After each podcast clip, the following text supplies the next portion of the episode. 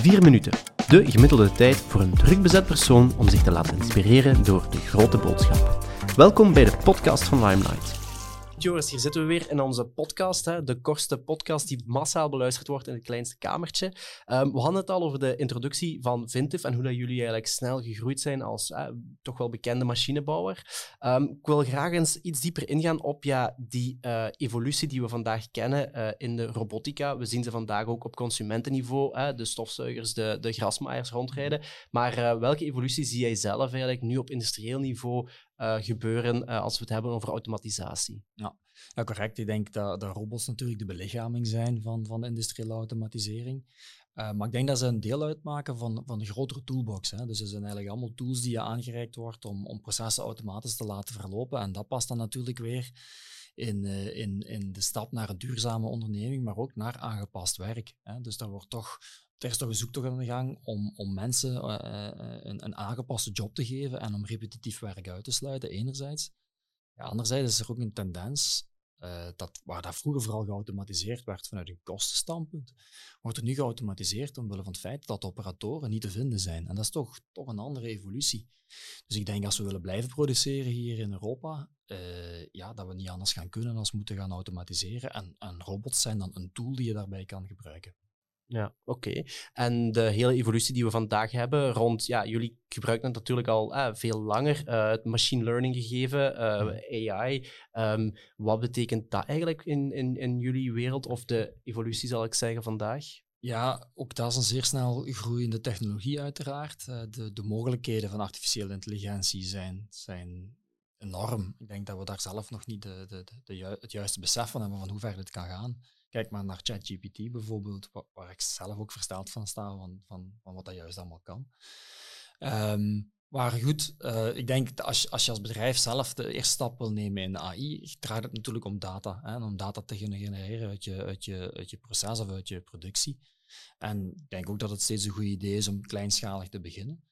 Um, en eens je die data hebt, zijn het nog altijd mensen die natuurlijk moeten gaan, gaan ingrijpen. En mensen gaan een bepaald inzicht moeten gaan geven. En die gaan een bepaalde, uh, moet ik zeggen, ja, waarde gaan geven aan, aan die data. Hè. Is bijvoorbeeld een, een, plantje, als je dat gaat eh, controleren met een camera, om te detecteren, is het plantje volgroeid of niet?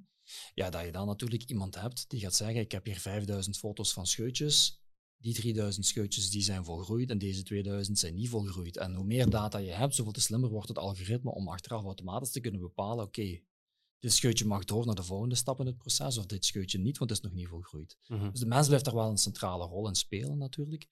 Uh, maar ja, het is wel belangrijk om, om kleinschalig te starten en te zorgen dat je al begint met data te genereren. Ja. en gebruiken jullie het vandaag binnen de processen van Vintif eigenlijk om, uh, om, om data um, te gebruiken en op die manier optimalisaties door te voeren? Ja, ja, absoluut. We gebruiken het zeker wel in ons eigen ontwikkelingsproces. Denk bijvoorbeeld aan mechanische ontwikkeling, waar dat je op voorhand met virtuele modellen gaat kijken of dat een bepaald principe wel kan werken, zonder dat je het daarvoor al gebouwd moet hebben. Dus dat zijn zeker zaken die we kunnen doen en dat bespoedigt of, of versnelt natuurlijk een ontwikkeltraject, want je gaat niet eerst iets tekenen om het dan in elkaar te schroeven om erachter te komen dat het niet werkt. Mhm. We gaan onmiddellijk al in een model bepaalde testen kunnen doen, bepaalde snelheden kunnen meegeven of bepaalde interacties kunnen gaan aftoetsen, nog voordat het model fysiek gebouwd wordt. Ja.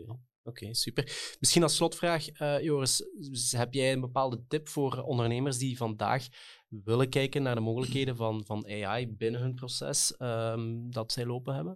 Ja, het allerbelangrijkste is dat je beschikt over data. Daar begint het mee. Als je geen data hebt, ja, dan, dan, wordt het een moeilijke, moeilijke zaak. Dus zeker een tip voor mij zou zijn, is als je, als je data kan genereren, zorg ervoor dat, uh, dat dat stukje al parallel loopt met je huidige productieproces. Stel je voor, je hebt de kwaliteitscontrole in je fabriek.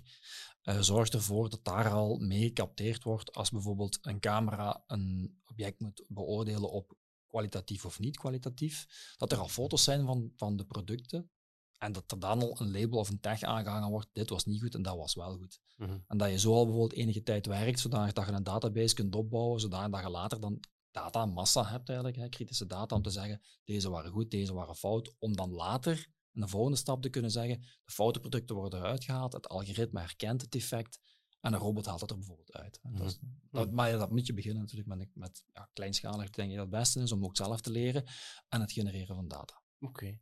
Goed, dat is al een mooie tip. Hè. Beginnen met het juiste te verzamelen. Ja, en klein maar fijn. Kleine stapjes. Super. Goed, Joris, veel bedankt um, en tot de volgende keer. Ja, graag gedaan.